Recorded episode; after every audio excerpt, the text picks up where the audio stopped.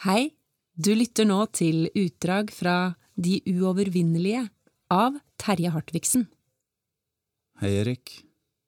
Denne dagen har jeg gleda meg til lenge. Jeg har gleda meg til å drepe deg. Forrige gang jeg så deg, var jeg en liten gutt. Jeg var ikke sterk nok, jeg hadde ikke muskler, men det har jeg nå. Jeg har trent hver dag for å møte deg. Tungskalla som ikke kan vise kjærlighet, fortjener å dø, sier Sindre, og Sindre vet alltid hva han snakker om. Jeg skal fortelle deg om Sindre. Ik ikke slå! Ikke Jeg skal ikke sladre, jeg skal ikke si det til noen. Bare ikke slå! La meg være, vær så snill! Hva er det med deg, da? Hva er det med deg, jeg? Ja?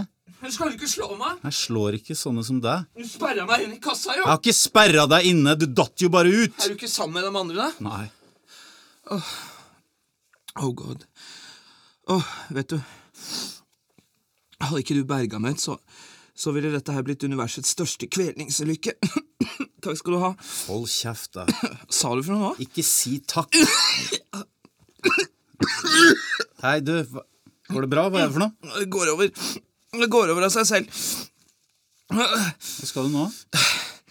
Jeg skal ta igjen med den drittsekkgjengen som sperra meg inn i kassa, selvfølgelig.